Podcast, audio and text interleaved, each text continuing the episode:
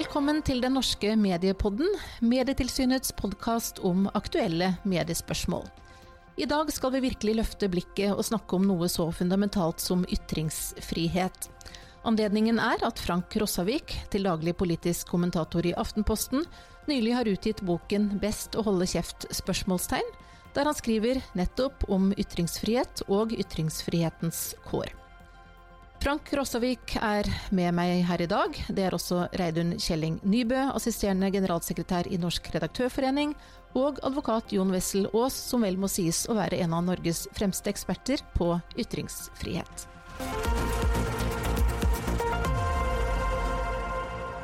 Frank Rossavik, er ytringsfriheten i krise?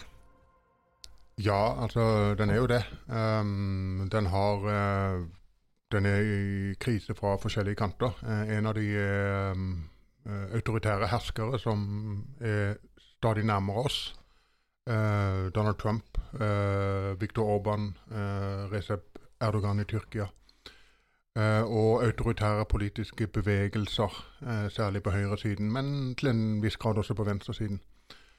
Uh, og så har vi den, um, den utfordringen som, uh, som, kommer fra den såkalte identitetspolitikken. Altså uh, minoritetsgruppers krav om ikke lenger bare å være likebehandla og inkludert, men å få en autonomi som sikrer de mot det de oppfatter som kritikk utenfra.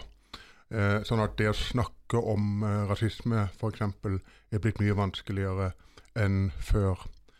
Eh, men den største trusselen kanskje er fra uh, den uh, mer synlige rasismen og det mer synlige hatet i sosiale medier og i såkalte nye medier, som jo er drevet fram spesielt av en sånn ny type høyreside.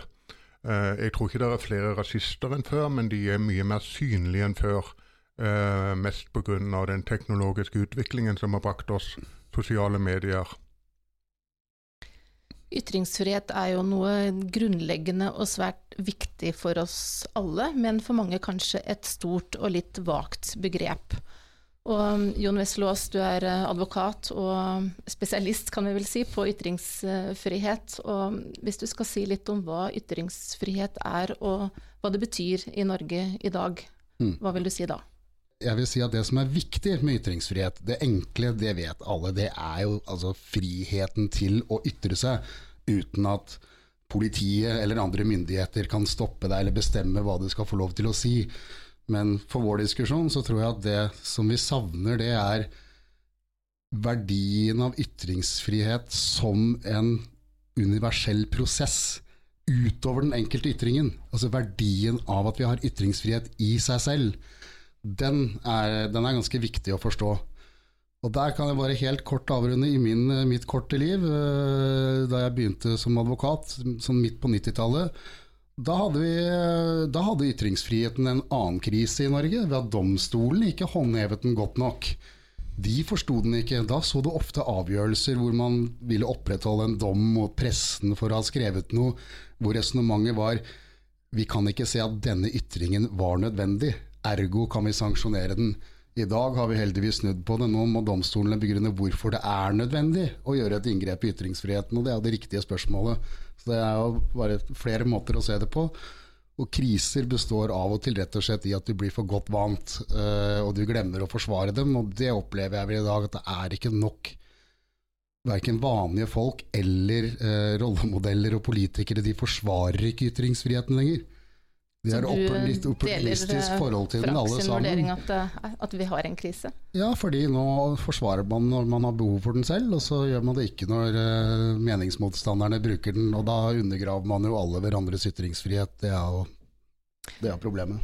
Du skal få slippe til igjen, Frank, men først til Reidun Kjelling Nybø, som er assisterende generalsekretær i Redaktørforeningen. Mm. Deler du oppfatningen av at ytringsfriheten er i krise?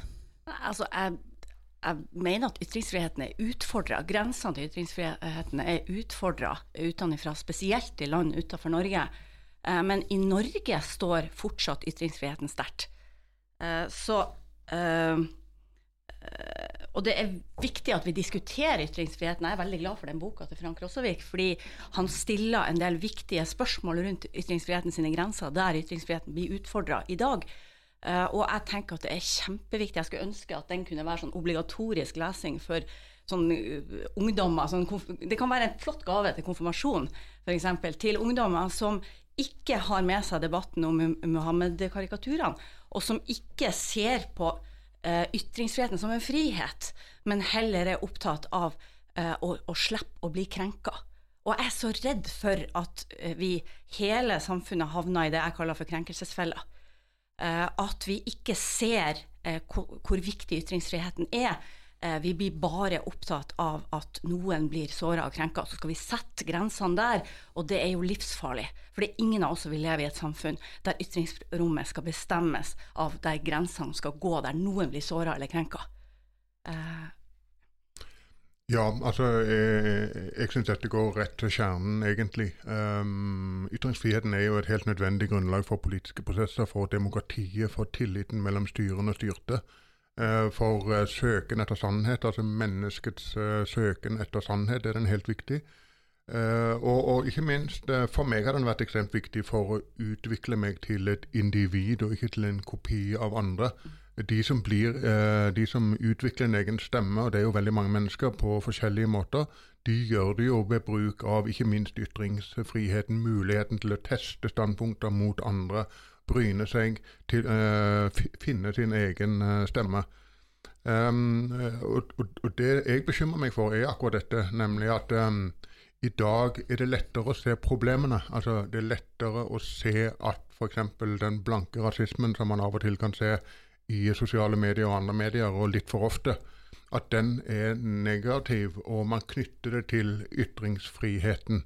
Men ytringsfriheten har jo aldri egentlig vært ment å beskytte den blanke rasismen. Den, jo, eh, den, jo, eh, den ligger jo i beste, i beste, fall helt i utkanten av eh, ytringsfrihetens rammer. Noe Jon Wessel Aas vil kunne si, si, mer om. Ja, vi kan jo ta den kanskje litt med, med, en gang. For Jon, hvor går grensene egentlig sånn rent lovmessig, bare for å avklare det? Ja, altså, da må, hvis vi snevrer det inn til det som ble tatt opp nå nylig, på en måte det folk kaller hets eller hatefulle ytringer og rasisme, som jo bare er et område. Det er jo taushetspliktregler, det er jo begrenser ytringsfriheten, så finnes jo mange begrensninger. Men den eh, vi snakker om nå, den er den jeg også syns er vanskeligst. Fordi der der vil jeg si at vi, vi, fortsatt sliter med å definere hvor grensen skal gå, fordi det er det der med å opprettholde et prinsipielt skille mellom handlinger og ytringer er viktig. Det er veldig farlig den dagen logikken om at en ytring kan slå like hardt som en knytteneve, og ergo kan vi likestille ytringer med fysisk vold. Det er jo nettopp det som skiller sivilisasjon fra på en måte det som ikke er sivilisasjon. er at vi bruker ytringer og vi bruker argumenter når vi er uenige, og vi slår ikke og vi dreper ikke meningsmotstanderne våre. Men på dette området så får du det der vanskelige at det er sånn at kan, folk kan nærmest få en oppfatning at å, er det ikke lov å tenke ting lenger nå? I hvert fall ikke hvis jeg sier høyt hva jeg tenker. Da blir jeg kalt rasist.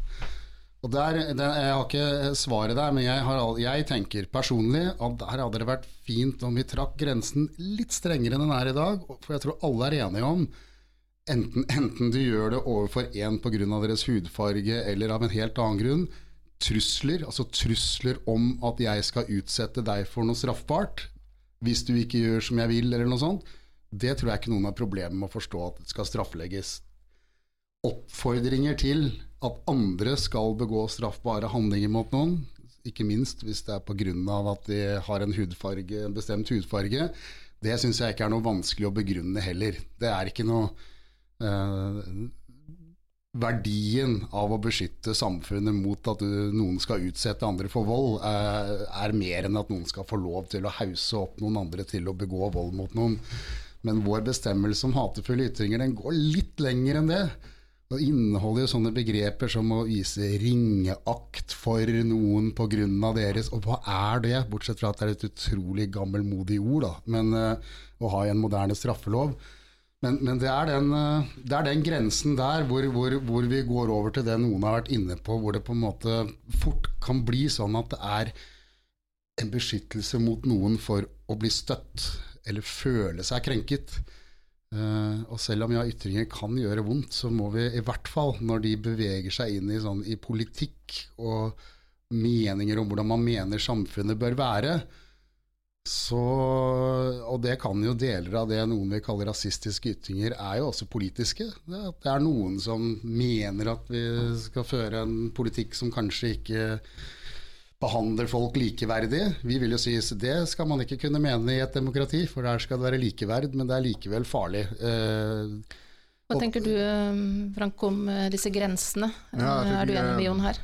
De er, de er vanskelige. Uh, altså fra mitt, fra, jeg, er jo, jeg tilhører to minoriteter som homofil og som handikapper, så jeg er dobbelt beskytta i straffeloven § 185. Og, og, på ett av disse feltene er det jo uh, altså f.eks. utsagnet 'knus homolobbyen'. Mange homofile vil jo føle seg krenka av det, men det er jo åpenbart ikke uh, ramma av noe lovverk. Men hvis man da går videre til at altså, alle homofile bør drepes, da er man inne i en uh, inne i, uh, in, innenfor det som kan rammes av paragraf 185. og Det, det er kanskje en, uh, en illustrasjon. ikke sant? Altså man kan jo, man kan jo frustreres over innvandring, over muslimer, og politikere som tillater innvandring. Man kan si veldig mye, men på et visst punkt så passerer man en grense hvor man, hvor man, hvor man altså krenker folks uh, menneskeverd uh, med, med, røtter i den europeiske menneske, menneskerettighetslovgivningen osv. Det er det som, det som preger no, mye av den offentlige debatten i vår tid, er at noe mer av debatten går over den grensen. Ikke fordi det er flere rasister, men fordi at uh, rasister og andre hatere har mye lettere adgang ut i noe som kan kalles en offentlighet, enn de hadde før. Og det er en av grunnene til at uh, mange i dag ikke verdsetter ytringsfriheten på samme måte som, man, som, de kanskje gjorde tidligere. Og det er jo en viktig del av problematikken her. Vi har digitaliseringen og fremveksten av sosiale medier som på en måte har gjort det enklere for flere å ytre seg og komme til orde. Eh, kanskje enklere enn noen gang. Eh, og på den annen side så ser vi jo da en fremvekst av hatefulle ytringer og, og falske nyheter for den del. Så hvordan påvirker hele dette bildet uh, ytringsfriheten? Reidun? Uh, jo, altså uh, Først av alt så må vi ikke glemme at fremveksten av sosiale medier har vært en kjempefordel for debatten. de som før slapp til kanskje på, bare på lesebrevplass, det var en bitte liten gruppe i samfunnet. gjerne kall dem eliten. vi har opplevd ei enorm demokratisering av debatten.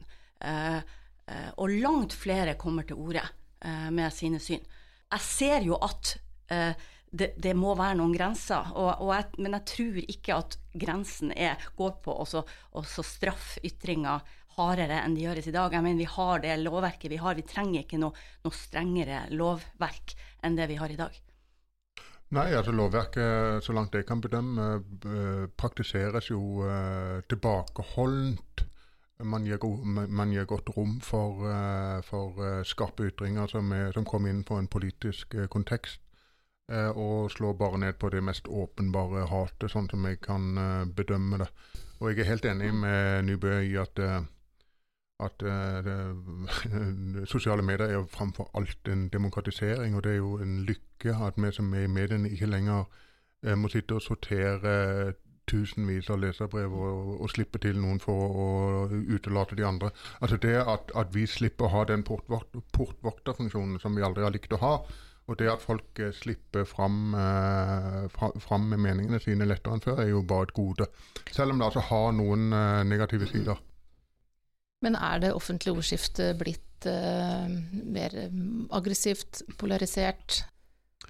Altså, Det er jo ingen tvil om at det er blitt det i mange land. Eh, du kan jo bare se på USA, på Italia, på Brasil. Eh, det, det, er, det er my, mye, mye, sterkere mistillit, mye sterkere desperasjon i tonen.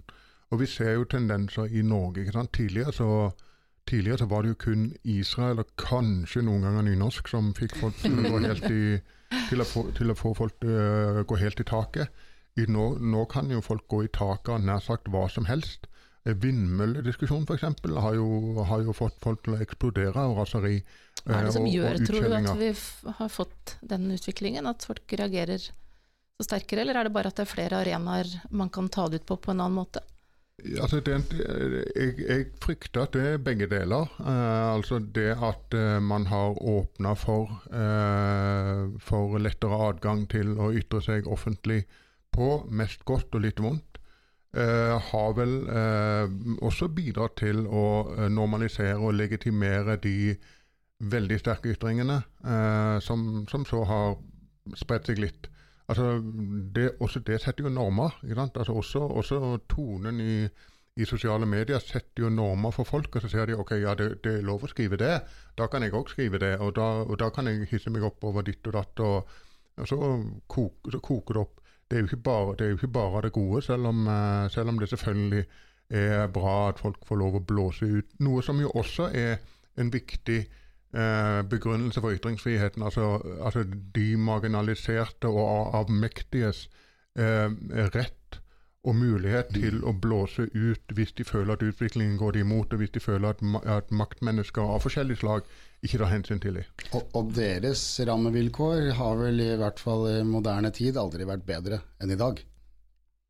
Ap eh, foreslår jo eh, for litt siden at eh, politiet skulle få mandat til å bøtelegge netthets med forenklede forelegg, eh, fordi de mente at netthets som sådan får for lite konsekvenser. En liten runde på hva dere syns om det forslaget? Altså, Med fare for at jeg slår inn åpne dører for alle lytterne nå, eh, for dette her er litt vanskelig. For det, det, det var ikke snakk om å straffelegge noe annet enn det som er i dag. Men i dag så er det jo altså sånn at uh, du kan også få forelegg, men det vil være en påtalejurist involvert i vurderingen av om ytringen er straffbar, eller om dette fortjener et forelegg. Og det er jo i hvert fall i vår rettsstatsverden så er det dessverre sånn at det er en del av eh, rettssikkerheten at det faktisk er jurister involvert i å vurdere om noe er straffbart. Og med all respekt for alminnelige polititjenestemenn, så er de jo i utgangspunktet ikke jurister. Og på ytringsfrihetens område er det særlig viktig. Det er det, er, det, er, det er det som gjør meg mest skeptisk til det forslaget, for det vil ikke gjøre ting mer eller mindre straffbare enn i dag. Og så sier folk ja, men du trenger ikke vedta det hvis du får det. Men det å få et forelegg i posten for de fleste borgere fra en myndighet som er politiet, da tror jeg at på ytringsfrihetens område da er det viktig at det er så kvalitetssikret som mulig. Og Det er ikke alltid påtalemyndigheten har rett heller, men, men det er litt større sjanse for at eh, ikke feil person får forelegg for en helt lovlig ytring. eh. så det er det som er, det er også Dette er kall det en nyanseforskjell, da, men for meg er den ikke uvesentlig. Så jeg syns det var et eh, det høres ikke ut som et veldig godt gjennomtenkt forslag hvis man er opptatt av ytringsfrihet. Nei, jeg er helt enig. Eh, Det lov, F.eks. paragraf 185, rasisme eller hatparagrafen, den er så rund eh, at, at rettspraksis, eller grensene, bestemmes i stor grad av, av domstolene i dag, og rettspraksis. Og hvis vi skulle se for oss at politiet skulle gjøre de vurderingene, som er veldig vanskelig eh, Vi ser hvor vanskelig det er det her generelt, og så skal de gjøre de vurderingene uten at det skjer ute i offentligheten. Nei, da, jeg, jeg ønsker ikke meningspoliti. Altså, det blir feil. Ja, med fare for å virke som en papegøye her, så er jeg enig, er enig i dette. Og nøkkelen er, jo nettopp, her. Ja. nøkkelen er jo nettopp at uh, lovens formuleringer er ganske runde. Uh, og jeg vil ikke ha en tilfeldig politimann til å fortolke runde formuleringer i loven. Da vil jeg heller ha en advokat til å gjøre det. Men så er det dette med, med deltakelse uh, i, i debatten og det å ytre seg på den måten. fordi at uh, man kan jo når man leser kommentarfelt osv. få inntrykk av at uh, nesten alle holder på med dette. Men i en undersøkelse som vi i Medietilsynet gjorde for litt siden, så er det altså eh, sju av ti som sier at de aldri har deltatt i noen form for debatt, i hvert fall ikke om politikk og samfunnsspørsmål, verken i de redaktørstyrte mediene eller i sosiale medier. Så det er jo mange her som ikke deltar i det offentlige ordskiftet, til tross for alle mulighetene som er. Hva tenker dere om det? Altså, eh, Syv av ti har ikke deltatt, eh, og det høres jo dårlig ut. Men jeg tviler jo sterkt på om det var noe særlig høyere på eh, 70-tallet, 60-tallet og 50-tallet. Men nå er jo mulighetene mange flere, Unnskyld? da. Nå er jo mulighetene mange flere, så nå har vi enda Ja, flere altså, kanaler. mulighetene, Og... mu- mulighetene er mange flere, men det er jo ikke alle som deltar i offentlige debatter. Langt fra. Eh, og ytringsfriheten eh, er jo også interessant på lavere nivå enn det. altså Folk kan jo diskutere i familien og på arbeidsplassen og i vennekretsen og i, i forskjellige lokalsamfunn.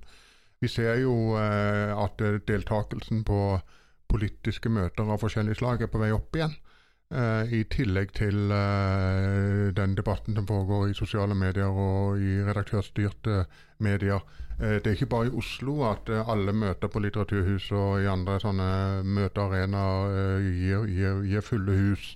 Så jeg er ikke så bekymra for debatten i, i, sin, i, sin, helhet. Men det er nok et problem at, at ekstremist, eller ytterpunktene dominerer mer enn før, mens de som ligger nærmere sentrum, holder seg, holder seg, unna. Og Det er også et problem, ser vi bl.a. Eh, på, på undersøkelser som Fritt har fått uh, finansiert, at, at minoriteter uh, føler seg skremt bort og ekskludert fra debatten. Uh, og, da, og, da, tenker jeg på minoriteter under elitenivå. Fordi minoriteter på elitenivå, særlig muslimske, den muslimske minoriteten, er jo mye mer til stede i offentlig debatt enn før. Altså I Vær varsom-plakaten så har jo redaktørstyrte medier et eget ansvar for å og at flest mulig ulike syn skal komme til uttrykk. Så der har vi et ansvar for å, for å sørge for at å legge det til rette for at flere uh, ønsker å ytre seg i, i debatten. Uh, og vi har også et ansvar, og det syns jeg kanskje ikke vi er like flinke til å fremst, ikke fremstille de ytterliggående synspunktene som det som er mainstream. Altså at vi, at vi får frem nyansene i, i, ulike saker. For det er klart, i tabloid nyhetsjournalistikk så er det veldig flott å bare kjøre svart-hvitt i, i alle vinklinger. Det er mye, mye enklere enn å få frem nyanser. Og så må vi jo sjøl gå inn i debattene. Tørre å gå inn i debattene og gi støtte til de som utsettes for for uh, negative uh, reaksjoner. Uh, jeg vet jo sjøl at hvis man får støtte, så tåler man jo å stå i mye mer hardere skyts og kritikk enn, en hvis man ikke får det. og det Jeg kjenner jo sjøl, jeg gjør det som en øvelse og går inn og diskuterer. Jeg vet jo at OK, nå går jeg inn i en debatt på Facebook, nå blir det ikke noe, nå får ikke jeg gjort det jeg hadde tenkt å gjøre i, i kveld. Men, men jeg, jeg, tenker at det har jeg godt ut av. Jeg har godt ut av å være med og, og, og diskutere. Jeg har godt ut av å ikke bare diskutere med de som er enig med meg. Nå har vi jo snakket om eh, fra ulike innfallsvinkler at eh, ytringsfriheten på mange måter eh, kan sies å være i en slags krise, eller i hvert fall ha litt utfordrende kår. Og så er jo spørsmålet hva gjør vi med det? Du var innom i boka di, Frank, dette her med Du beskriver deloffentligheter. Og hva kan gjøres for å i større grad samle den offentligheten igjen? Og er det mulig, eller har det toget gått?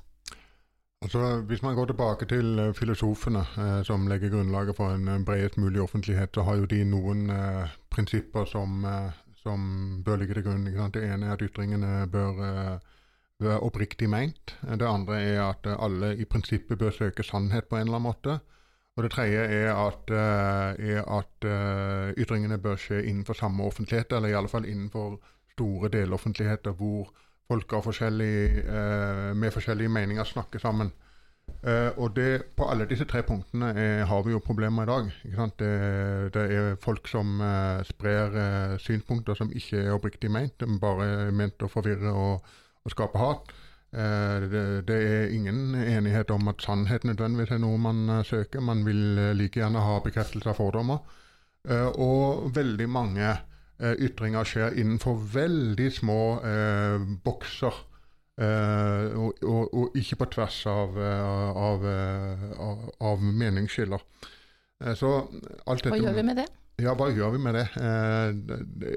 noe av grunnen til at jeg skrev denne boka, her er jo at jeg føler meg veldig frustrert over utviklingen. Nå er jo én liten positiv side ved dette da, at de sosiale mediene, som er noe av problemet, er jo fortsatt ganske nye. Eh, de har ikke vært her, de har vokst fram siden 2008 ca. Det er først de siste årene de er blitt uh, så dominerende som de er. Og Det kan jo godt hende at vi uh, på dette feltet, som i andre tidligere tilfeller under medienes lange utvikling, ser det man kan kalle for barnesykdommer. Og at, og at, ting vil gå seg til litt etter hvert. At vi nå er i en fase hvor, hvor det er eh, usikkerhet og, og, uklarhet, men at det etter hvert vil, eh, vil lykkes å bringe det hele inn i et smulere farvann. Flertallet på et gitt tidspunkt trenger aldri den rettslige beskyttelsen av denne friheten, fordi flertall vil alltid være enig og støtte flertallet. Det gjør jo at disse frihetene må på en måte vedlikeholdes hele tiden. For det er jo intuitivt i samfunnet vårt at, at, flertallets meninger på en måte blir satt større pris på. Og alt det avvikende er eh, fort uønsket, sånn at man setter ikke så pris på konsekvensene av ytringsfriheten. Så det er ikke noe rart. Det er jo litt sånn, det, det er en sånn det er ikke en motsetning til demokratiet, men noen oppfatter det er noe sånn. Fader, eller hvis flertallet ikke liker at noen mener sånn, kan vi ikke bare forby det? Og så skjønner vi ikke at i morgen er du det mindretallet som noen ikke liker meningene til, og så må vi minnes om det. At vi forsvarer ytringsfriheten til våre medborgere, og aller mest til de vi er mest uenig i. For det er den beste måten vi kan forsvare vår egen ytringsfrihet i morgen på. Og det er liksom den der påminnelsen om det. Og dessverre så er vi mennesker sånn at vi må som regel oppleve at det skjer noe litt galt i samfunnet før vi, før vi blir minnet om verdien av disse tingene. Så håpet må være at vi kommer gjennom denne krisen uten at vi går helt ned i, i grøfta først. Men der vi står uh, i dag, hvis dere ser litt framover, uh, tolker dere dit hen at dere tross alt er litt optimistisk uh, i forhold til ytringsfrihetens går framover, eller hvordan ser dere på det?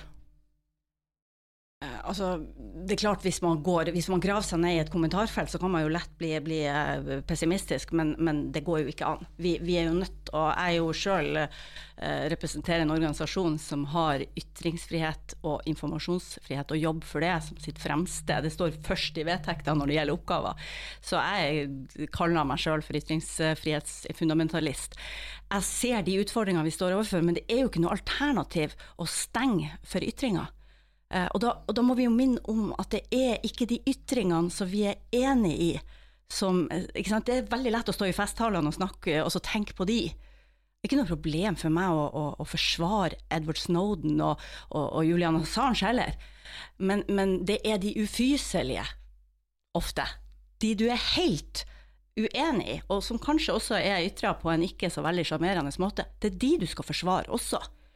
Eh, i, i, samfunnet. Det er de som trenger vern, og så skal vi slå ned på de lovstridige. Altså Ytringsfrihetskommisjonen i 1999 eh, sa jo allerede at, eh, at eh, offentligheten må fungere. Altså man, Det må være sannhetssøking, eh, evne til å ta korreks, eh, samtale, utvikling mot en, en, en, en, eller annen forsøk på enighet. for at det ikke skal komme restriksjoner mot ytringsfriheten. Hvis den offentlige samtale ikke fungerer, så vil sånne forslag kunne komme. Jeg frykter at de kommer. Eh, det, det, er derfor det er viktig å, eh, å, å, å, ta diskusjoner og minne om hvor viktig ytringsfriheten er. Ikke bare for personlig utvikling og, og, og eh, sannhetssøking og demokrati, men også for, for helt uh, grunnleggende ting for de som ikke alltid er like ivrige etter å forsvare ytringsfriheten. Ytringsfriheten er helt nødvendig for religionsfrihet, f.eks. Altså hvis, hvis, uh, hvis man ikke har ytringsfrihet, hvis jeg ikke har ytringsfrihet om religion, så vil jeg heller ikke være like tilbøyelig til å, å akseptere full religionsfrihet. Det, det, det, er ganske enkelt å forstå.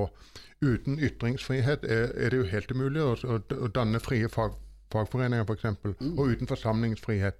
Altså, De kreftene som ikke alltid forstår hvor, hvor viktig ytringsfriheten er, de må kunne se at den er helt uh, nødvendig for det som er viktig for de også. Jon, du som være... Eh, jobber mye med ytringsfrihet, hvordan eh, ser du på kårene framover? Altså hvis, hvis, Norge var en øy, og det er jo det vi dessverre ikke er eh, altså I Norge er isolert sett ikke så bekymret. Vi har, altså vi har høy grad av det og forståelse av det. Vi har en høyt utdannet befolkning. Vi klarer fortsatt å minne hverandre om betydningen av det. Men det jeg er mer bekymret for, det er liksom eh, Og det dreier seg både om ytringsfrihet, men også de andre liberale verdiene. De har ikke noen gode kår i verden i dag. Og det har vært lett å ha et liberalt samfunn for et lite land som Norge så lenge vi var en del av en vestlig verden som hadde politisk og militær makt, og amerikanerne ikke minst sto opp for de samme frihetene Når du begynner å se tendenser til at uh, kanskje rakner litt der, og du leser seriøse politikere i den vestlige verden som begynner å snakke om ja, tiden for det liberale demokratiet er over, ikke sant? Så kan du la deg skremme av det, men, men den dagen vi er litt mer alene om dette, da blir det ikke så lett. fordi da blir man konfrontert med altså I samarbeid med andre land så blir det sånn Å, nå må dere skjerpe dere. Den der ytringsfriheten deres er jo veien for uh, politikk vi skal gjøre sammen. Vi trenger mer overvåkning. Det må dere være med på hvis dere skal være med i vår allianse og få samarbeide med oss. Den dagen blir det mye vanskeligere for Norge å forsvare det. Så så er et, den, er, den, er, helt avhengig av en, en viss balanse globalt òg. For hvis det blir en for liten del av verden som prøver å opprettholde de verdiene, så klarer vi ikke det i realpolitikken. Det er jo en del, eller noen i hvert fall, som har tatt til orde for at vi trenger en ny ytringsfrihetskommisjon. En veldig rask, kort runde på det forslaget. Tja, um, er jo, det er jo 20 år siden den forrige, og det har skjedd mye siden da. Så jeg uh, tror kanskje at det kunne være en idé å ha det. Um, det er mye å snakke om. Eh, hvis mandatet går på å endre på lovverket, så er jeg veldig, veldig skeptisk uh, til det. jeg tror mye mer på at vi tar debatten sånn som vi gjør nå, diskuterer ytringsfriheten i, i samfunnet. Vi har veldig gode lovregler på dette. Eh, det er ikke behov for det, og det er det jeg er redd for hvis vi får en, en kommisjon. Jeg har også kommentert det litt på tilsvarende vis før. Jeg tror det kan være fint med en kommisjon for å få løftet opp i den offentlige debatten en bevisstgjøring. Hvordan er rammevilkårene i dag? Det har skjedd ting siden 1999. Men for guds skyld ikke ha i mandatet til en sånn kommisjon at de skal lete etter nye lovbestemmelser eller revidere grunnlovsbestemmelsen vår eller noe sånt. Det nå skal vi ikke være redd for det da, hvis vi er demokrater. Kanskje det er noen som har en god idé om det, som ikke, men det, jeg tror ikke det. Men, men, det kan ha en verdi i seg selv å løfte det opp i en, en, kommisjon som også jobber sånn som Ytringsfrihetskommisjonen ikke hadde samme mulighet til, men la folket delta. Mm. Det kan man jo gjøre på en helt annen måte i en sånn prosess i dag med nett. Og det kunne være én måte.